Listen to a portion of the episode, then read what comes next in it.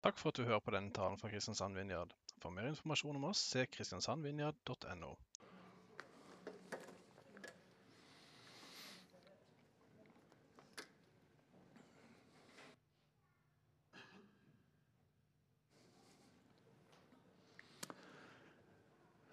Det er så godt å få dele nadværen sammen.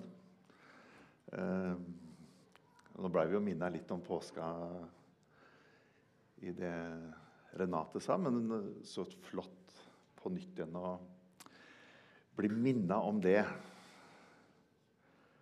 At eh, Jesus ofra seg for min skyld.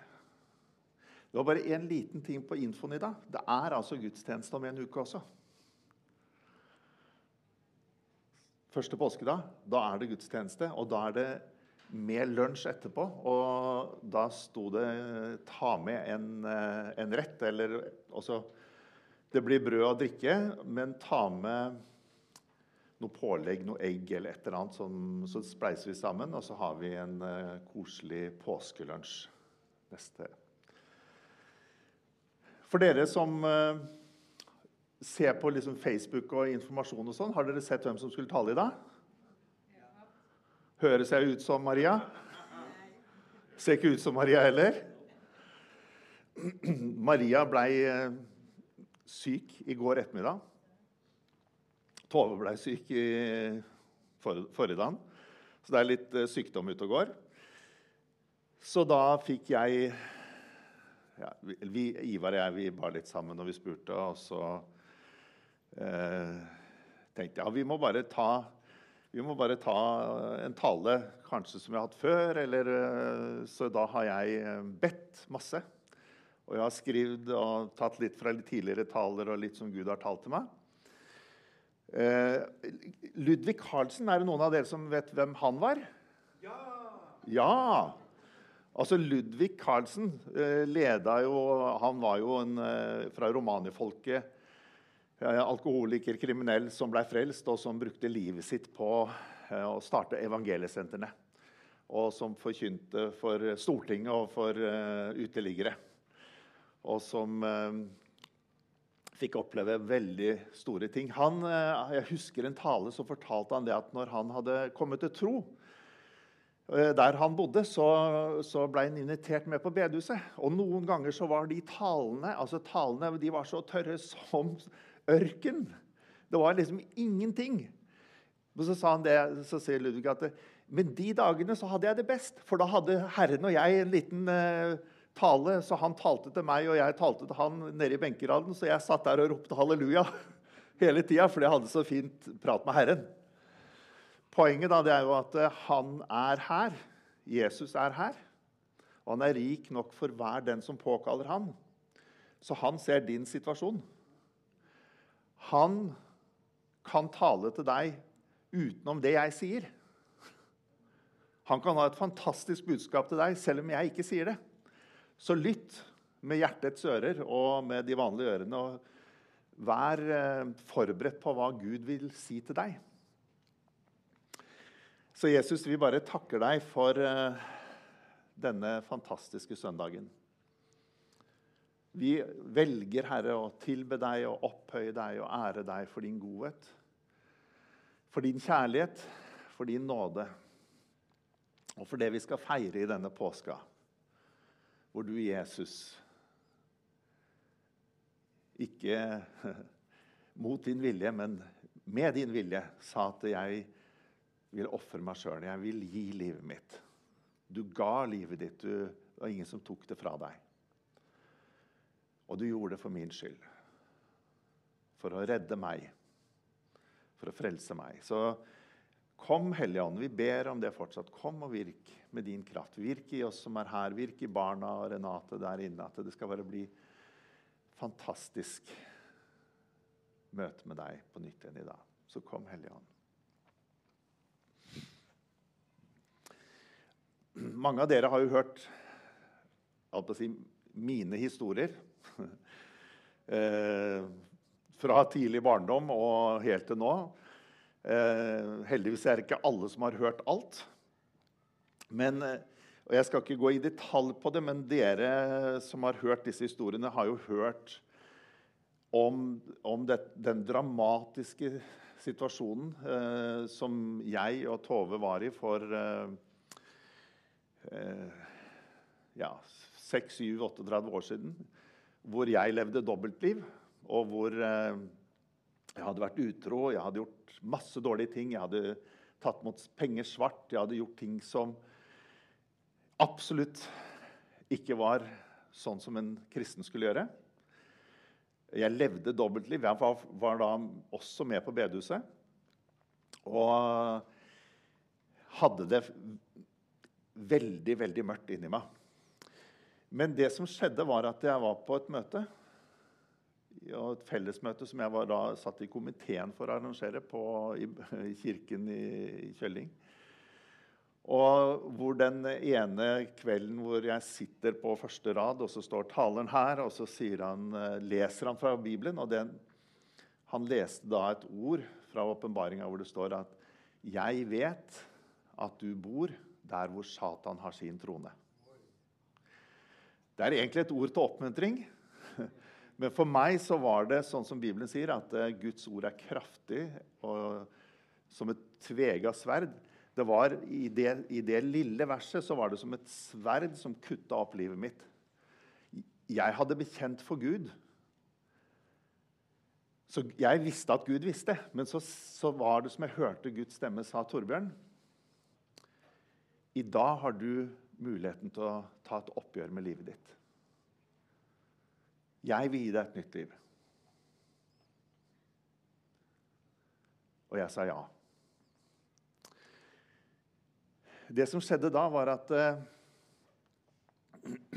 etter møtet så satt jeg meg i bilen og skulle kjøre hjem. Tove var ikke på møte, for hun var hjemme med barna. Jeg hadde også smugrøkt i en del år. Den eh, turen, bilturen hjem så slutta jeg å røyke. Har aldri tatt røyk etterpå. Røykpakka gikk ut vinduet. Det var ikke spesielt smart i forhold til forurensning, men det var jo en, en tydelig handling at jeg brøyt med det. Og Jeg kom hjem til Tove. Jeg, jeg husker den der, Jeg visste at når jeg bekjenner dette for Tove, så kan hun si 'jeg vil skilles'. Og hun kunne sagt det med Guds ord i hånda. Jeg visste det. Jeg visste at risikoen for å bekjenne kunne koste ekteskapet. Men jeg kunne ikke gjøre noe annet. Så jeg drar hjem, og så spør hun hvordan var møtet. Så jeg må snakke med deg. Og så hadde Gud i sin utrolige nåde vært ute og jobba på forhånd i Toves hjerte. Hun hadde bedt om å få se sin synd, og den så hun så sterkt at hun trodde hun ble alvorlig syk. Og Så fortalte jeg hva som hadde skjedd, og så sier hun de første orda, den første setningen som kom ut av Toves munn, var 'Jeg tilgir deg'. Jeg tilgir deg.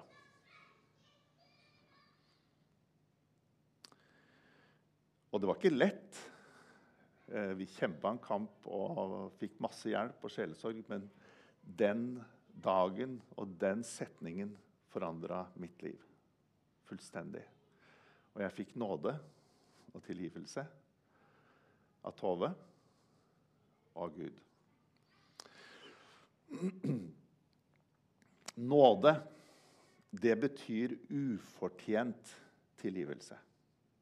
Jeg fortjente ikke. Verken av Tove eller av mennesker. Så skal jeg bare si det også for dere som ikke har hørt den historien. Det var som jeg sa, noen år med sjelesorg og hjelp og bønn. og det var, det var mørkt og det var vanskelig. Og Gud talte og ga løfter. Og når disse åra var omme, så, så var det på nytt fellesmøter, og Gud sa jeg vil at du skal fortelle historia. Og Vi hadde blitt enige om å aldri fortelle det til noen, for det var så smertefullt. Og Så snakka vi sammen, og så gjorde, vi gikk opp sammen for en fullsatt eh, kirke på fellesmøtene og delte denne historia. Da, den kvelden starta tjenesten vår i Guds rike. Da var det mange som begynte å ringe, for de hadde hørt hva vi hadde vært igjennom. Og de så håp. Og ikke minst når Tove da, etter jeg fortalte det på, på møtet, så sier hun at jeg vil også dele litt. Og så sier hun at resultatet av dette, gjennom dette, så har vi fått bedre relasjon og kjærlighet og nærhet til hverandre enn vi noen gang har hatt. Det var så sterkt og så nært at det var nesten smertefullt på en god måte.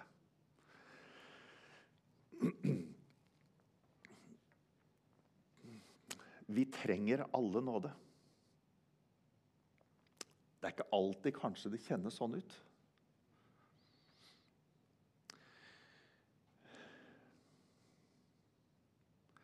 Det er en fin bønn som Daniel ber i eh, Daniel i Gamle Testamentet. Du vet han med løvene. Han sier Han ber, det står i Daniel 9, 18. For det er ikke i tillegg til våre rettferdige gjerninger at vi kommer fram for ditt ansikt med våre rop om nåde. Det er i tillit til din store barmhjertighet. Hør, Herre. Tilgi, Herre. Lytt og grip inn. Og så fortalte Jesus Det var eh, lang Men den er vi ferdig med. Det var, eh, Jesus fortalte en historie om en toller. Og tollerne på Jesu tid de var, eh, de var som nazister under krigen. De var forrædere av landet, og de jobba for fienden. Så sier Jesus at det var en toller som kom inn i tempelet, inn i kirken. Og han var så skamfull at han torde ikke å løfte blikket, så han bare så ned. Og så slo han seg på brøstet, og så sier han Gud, vær meg synder nådig. Gud, vær meg synder nådig. Og så sier Jesus at denne enkle bønnen fra hjertet gjorde at han gikk rettferdig hjem for Gud. Og Det jeg skal si litt om i dag, det handler om Guds helt ufattelige kjærlighet. Og det kunne vært, Dette kunne vi holdt en serie og talt om over måneder og år men, og, og, hundrevis av punkter, men jeg skal bare ta tre sånne punkter hvor eh, jeg sjøl har opplevd og tenker at det kan være noe som vi trenger, alle sammen. Og Det første er jo det jeg begynte med. Jeg trenger denne Guds ufattelige kjærlighet når jeg går på trynet. Sier dere det på Sørlandet? Gå på trynet? Ja, det sa vi i Larvik òg.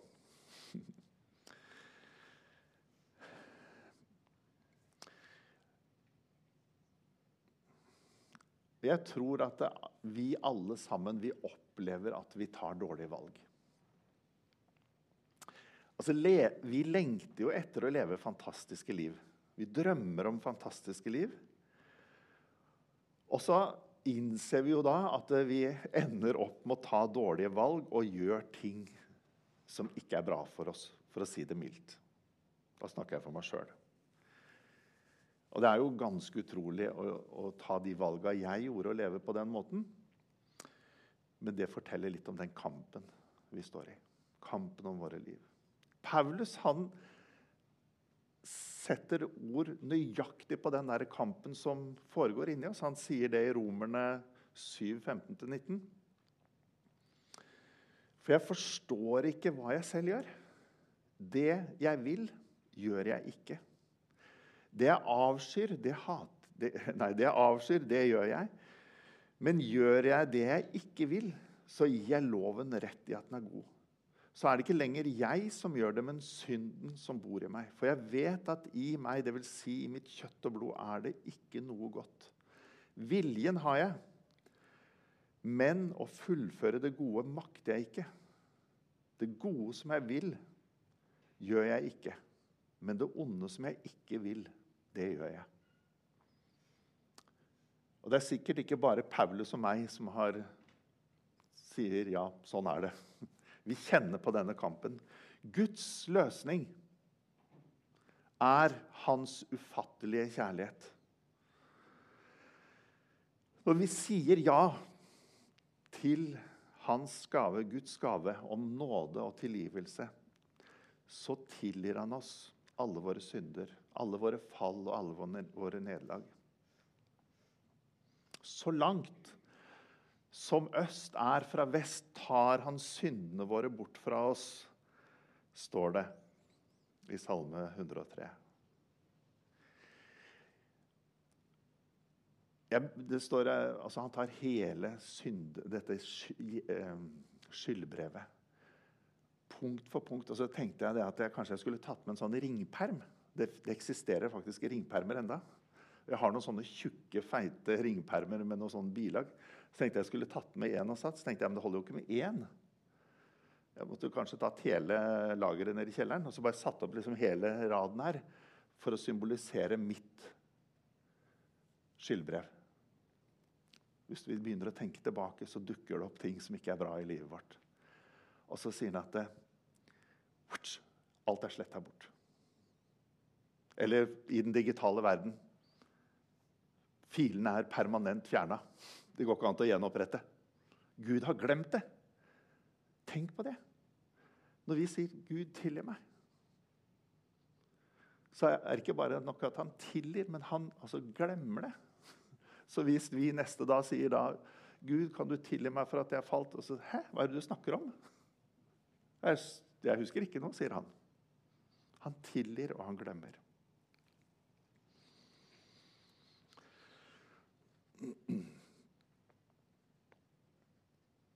I neste kapittel i Romerne, i kapittel 8, så kommer svaret på det ondes problem, som Paulus beskriver, som jeg leste. I Romerne 8, 1-3. Så er det da ingen fordømmelse for den som er i Kristus Jesus. For Åndens lov som gir liv, har i Kristus Jesus gjort deg fri fra syndens og dødens lov. Det som var umulig for loven, siden den var maktesløs fordi vi er av kjøtt og blod, det gjorde Gud. Han sendte sin egen sønn som syndoffer i samme slags kjøtt og blod som syndige mennesker har, og holdt dom over synden i oss.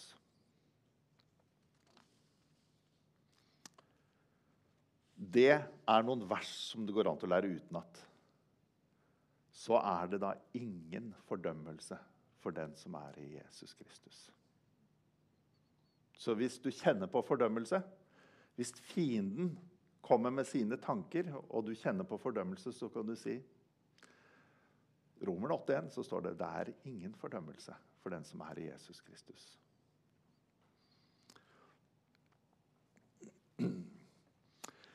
Det andre jeg sa det var tre små punkter. Det andre punktet er at jeg trenger Guds ufattelige kjærlighet og medlidenhet i sykdom. Når jeg sier ordet sykdom, så snakker jeg om alt av uh, sykdom, av psykiske, fysiske Alle disse problemene, avhengigheter og ting som vi mennesker kan få.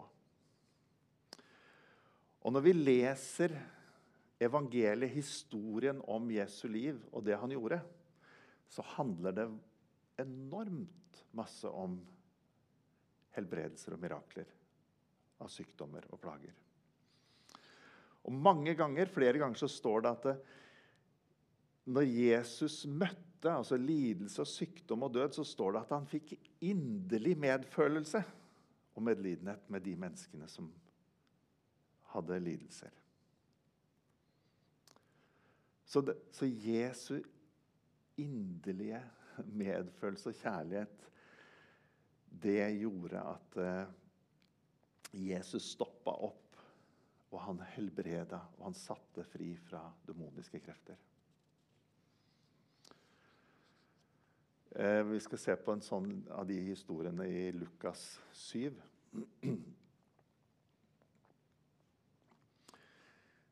Så står det da han, altså da Jesus nærmet seg byporten, ble en død båret ut til graven.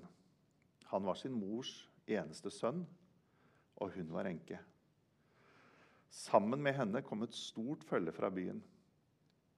Og da Herren fikk se enken, fikk han inderlig medfølelse med henne og sa, 'Gråt ikke.' Og så gikk han bort og la hånda på båren. Og de som bar den, de stansa, og han sa, 'Du unge mann, jeg sier deg, stå opp.' Da satte den døde seg opp og begynte å tale. Og Jesus gav han til moren. Jeg syns jo det var veldig morsomt. Da satte den døde seg opp og begynte å tale. Det var liksom det første som skjedde. Spratt opp og begynte å snakke.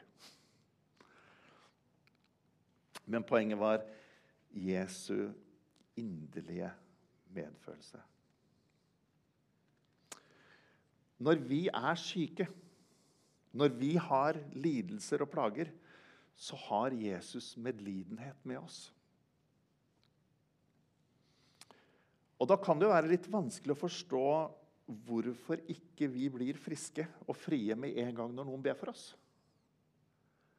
Hvis han har sånn medlidenhet, hvorfor blir ikke alle friske med en gang? Ivar og jeg snakka litt om det i går. Kan vi se det som Jesus så, at alle ble friske? Og det, det, går vi for. At vi skal se det sammen. Vi er ikke helt der ennå, men vi gir ikke opp. Det er mitt svar. Om vi må da be 10 ganger eller 30 ganger eller 50 eller 100 ganger, så gir vi ikke opp. Og som eh, en del av dere vet, så har jeg hatt en sånn nakkeskade. Ehm, med, det var en, rett og slett, det er en nakkevirvel som er ødelagt, som lå og trykte og knuste noen eh, nervekanaler som gjorde at jeg hadde veldig mye smerter. Fra jeg var rundt 30 år, så begynte det å bli veldig plagsomt. Og jeg har hatt det helt fram til for noen år, noen år, siden. Over 30 år har jeg hatt det. Jeg har aldri vært sykemeldt pga. det, men jeg har måttet dra hjem fra jobben mange ganger fordi jeg har hatt så voldsomme smerter at jeg kaster opp og brukt mye smertestillende, og det har kommet og gått. Eh, og det er ikke noe sånn superstor plage i forhold til hva andre har, men, men bare for å illustrere dette her. Eh, vi har alltid trodd på bønn, og jeg har blitt bedt for av eh, Tove, av familien. Jeg har blitt bedt for på bibelgruppe, og husgruppe og på møter. Jeg kan jo ikke huske hvor, men jeg tipper jeg har blitt bedt for hundrevis av ganger i løpet av 30 år og ikke blitt noe bedre. Ingenting skjedde, tilsynelatende. Og jeg skulle inn på Ullevål og opereres. En uh, stor, komplisert operasjon hvor de går inn og de skulle uh, frese vekk halve nakkevirvelen for å frigjøre nervene. For å se om det kunne hjelpe. Og så blei den avlyst. Den dagen blei jeg helbreda. Den dagen jeg skulle opereres, blei jeg helbreda. Jeg vet ikke hvorfor. Så i møte med sykdom og lidelse og smerter så forstår vi ikke alltid hvorfor og hvorfor ikke ting skjer. Men vi fortsetter å be, vi fortsetter å spørre Gud. Vi står sammen. Og jeg tror at vi skal se enda mye større ting enn det vi har sett. Og det gjelder ikke bare sykdom og lidelser. Det gjelder også eh, områder hvor vi er bundet, eller eh, hvor vi sliter, eller det er store utfordringer i livet. Eller for familien vår, for de nære. Eh, når ikke vi ser det vi ønsker å se, når vi ser at de lider, når vi ser at noe er dårlig, så kan vi be. I, i Filipperne 4,6 så sier Paulus, 'Vær ikke bekymret for noe'. Vet dere hva det ordet 'noe' betyr? Altså noen ting. Jeg sjekka det. Altså, det, er, det, betyr det er, det, er ingen, altså, det er, ingenting. Vi skal ikke bekymre oss for det er, liksom, Alt er utelukka. Vi bør ikke bekymre oss for noen ting. Alt er utelukka.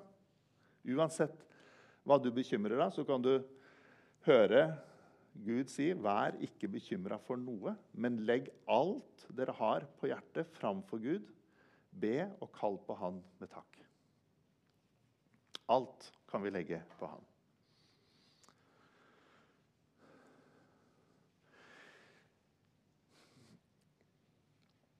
Så vi lar ikke leger og psykologers diagnose stoppe oss for å ha tro på at Gud For Gud er alle ting mulig. Diagnosen er bare en observasjon fra legen som ikke definerer framtida mi. Det er så lett at diagnoser definerer oss. Men ok, det er en opplysning. Det er en nyttig opplysning når vi skal be. Så hvis du da f.eks. Eh, har en allergi, så du har pollenallergi som Tove hadde, ja, men da ber vi i Jesu navn om å bryte, vi bryter kraften av pollenallergi over kroppen. Og det gjorde vi med Tove. Hun hadde da vært pollenallergiker i hele sitt liv. Eh, hver eneste vår så var det alt av medisiner og inhaleringssprayer og sånn for i det hele tatt å fungere. Og så ba vi, og så forsvant det. Vi brøyt kraften av den allergien i Jesu navn. I Lukas 18, 27 så står det det som er umulig for mennesker, er mulig for Gud. Hallo? Er ikke det bra løft, eller? Det som er umulig for mennesker, er mulig for Gud. Den siste, det siste punktet eh, Guds kjærlighet i møte med døden. Dette går jo litt i hverandre. Eh, men jeg huska jeg, jeg, kom på det i dag, en historie som jeg hørte som ung. Eh, som var litt spesiell og veldig rørende. Det var altså en ung mann som eh, ble sjømann. Reiste ut veldig tidlig Eh, og han eh, kom fra en kristen familie, vokste opp på bedehuset, men hadde tatt et valg om å forlate troa og leve livet. Og fikk rikelig anledning til det når du da er på et skip og reiser verden rundt og kan gjøre ting som eh, ingen får greie på. Og så fortelles Denne historien var jo da at eh, i en havn hvor de holdt på å å losse denne båten. Så er han oppe på dekket på båten, og så rett og slett snubler han og stuper ut i en tank, altså disse ståltankene, som var over 20 meter dyp. Han stuper utfor og treffer bånd av denne tanken, som er av stål, og blir knust. Det gjør du hvis du faller så høyt og lander flatt ned. Så sto det noen i nærheten og så det, og de som sto oppe, så det. Og det var jo ikke noe de kunne gjøre. Noen sekunder etter at han falt, så løfta han opp hodet. Og så lyser han, og så sier han er, Alt er i orden, gutter. Jeg drar hjem til Jesus. Han møtte Jesus på vei ned. Det er nåde.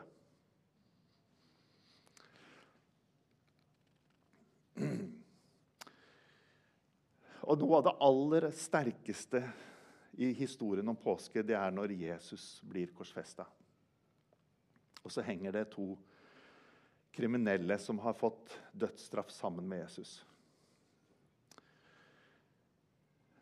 Den største skammen og fornedrelsen både for Jesus og for disse røverne var jo de ble kledd nakne, de ble spikra fast på korset. Offentlig henrettelse. Og så henger de der på korset, de tre korsa. Og den ene av disse røverne han spotter Jesus og gjør narr av ham. Og så sier han, 'Hvis du er verdens frelser, så frels deg selv og oss ned fra korset.' Men Jesus kom ikke for å frelse seg sjøl. Han kom for å frelse alle andre når han ofra sitt liv. Han valgte frivillig å bli hengt på korset for dine og mine synder. Og de der grove jernnaglene som ble spikra gjennom hender og føtter, det var ikke de som holdt Jesus fast på korset. Det var hans kjærlighet til deg og meg. Hans ufattelige kjærlighet. Og han som hang på den andre sida, nærmest ropte tilbake. 'Frykter du ikke engang for Gud, nå som du skal dø?' sier han. Vi fortjener jo å dø for alt det onde som vi har gjort. Men denne mannen, han har ikke gjort noe galt. Og i sine siste minutter før han skal dø, så får han et møte med verdens frelser, Messias.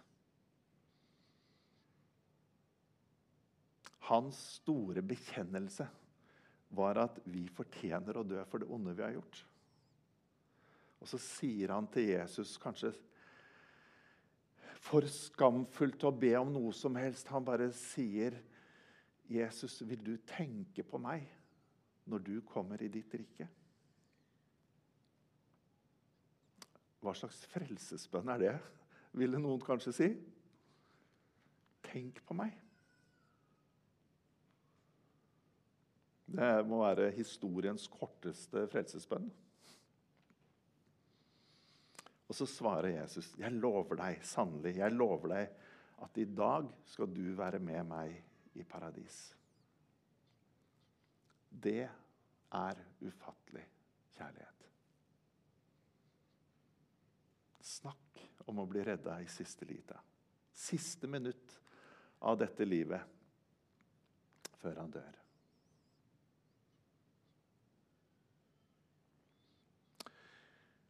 Dette er det fantastiske gledesbudskapet som vi har fått.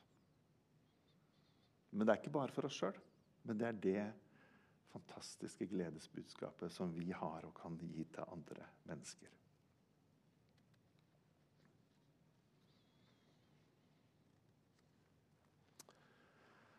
Amen. Eh, vi skal gjøre sånn som vi alltid gjør, at vi bruker god tid til å be for hverandre, for alle behov.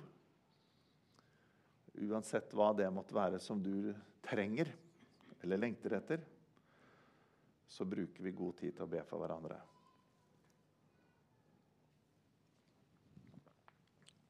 Kan vi ikke bare reise oss sammen?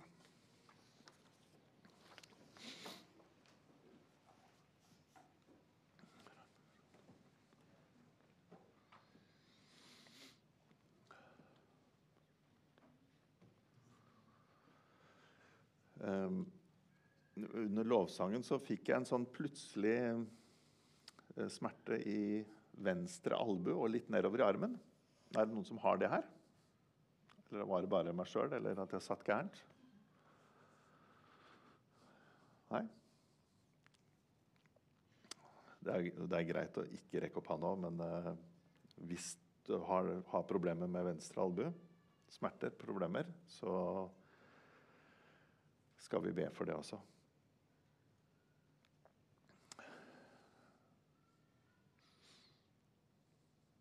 Jesus, vi takker deg for uh, din helt ufattelige kjærlighet til oss.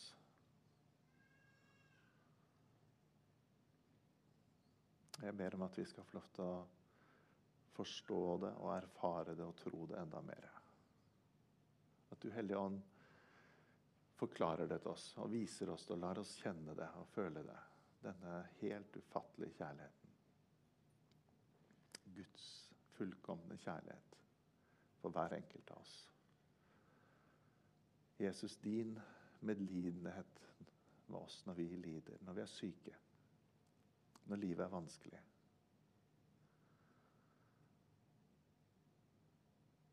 Du kom, Herre. Du ser sykdommer og smerter og lidelser. Jesus, vi gir det til deg på nytt, og vi ber om at du i din nåde og medlidenhet skal komme med legedom og helbredelse. Bryte kraften av sykdommer, av diagnoser, av lidelser. At du setter oss fri, Jesus. først og fremst fordi du bare har sånn kjærlighet og medlidenhet til oss. Men også fordi at du setter oss fri til å leve enda mer fullt for deg. Så kom over oss, Herre. Kom med ditt nærvær. Kom med din kraft.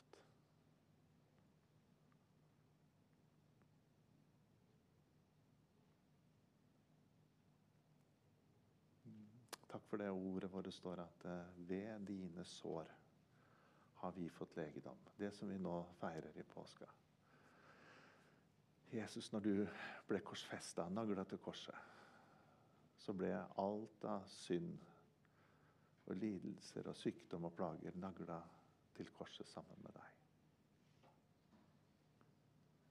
Så vi ber, på, ber om at eh, du bare forløser dine gaver og din kraft, Herre, og setter fri, løser lenker, bryter bånd, kommer med legedom. Bare befaler alt mørke å gå. All håpløshet. Tanken om at ikke det nytter, tanken om at det er umulig. Vi bare bryter kraften av det i Jesu navn og taler tro, forløser tro, din tro, Herre. Din legedom.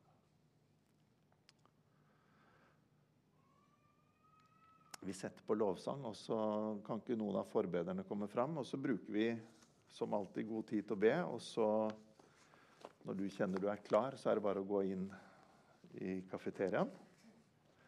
Og så ønsker jeg alle sammen en riktig god påske. Takk for at du hørte på denne podkasten. Ta gjerne kontakt med oss via vår Facebook-side Kristiansand Vinjard, eller besøk oss på Vågsbygd ringvei 100 i Kristiansand. For mer informasjon om hva vi gjør og hvordan du kan bli involvert, gå inn på kristiansandvinjard.no.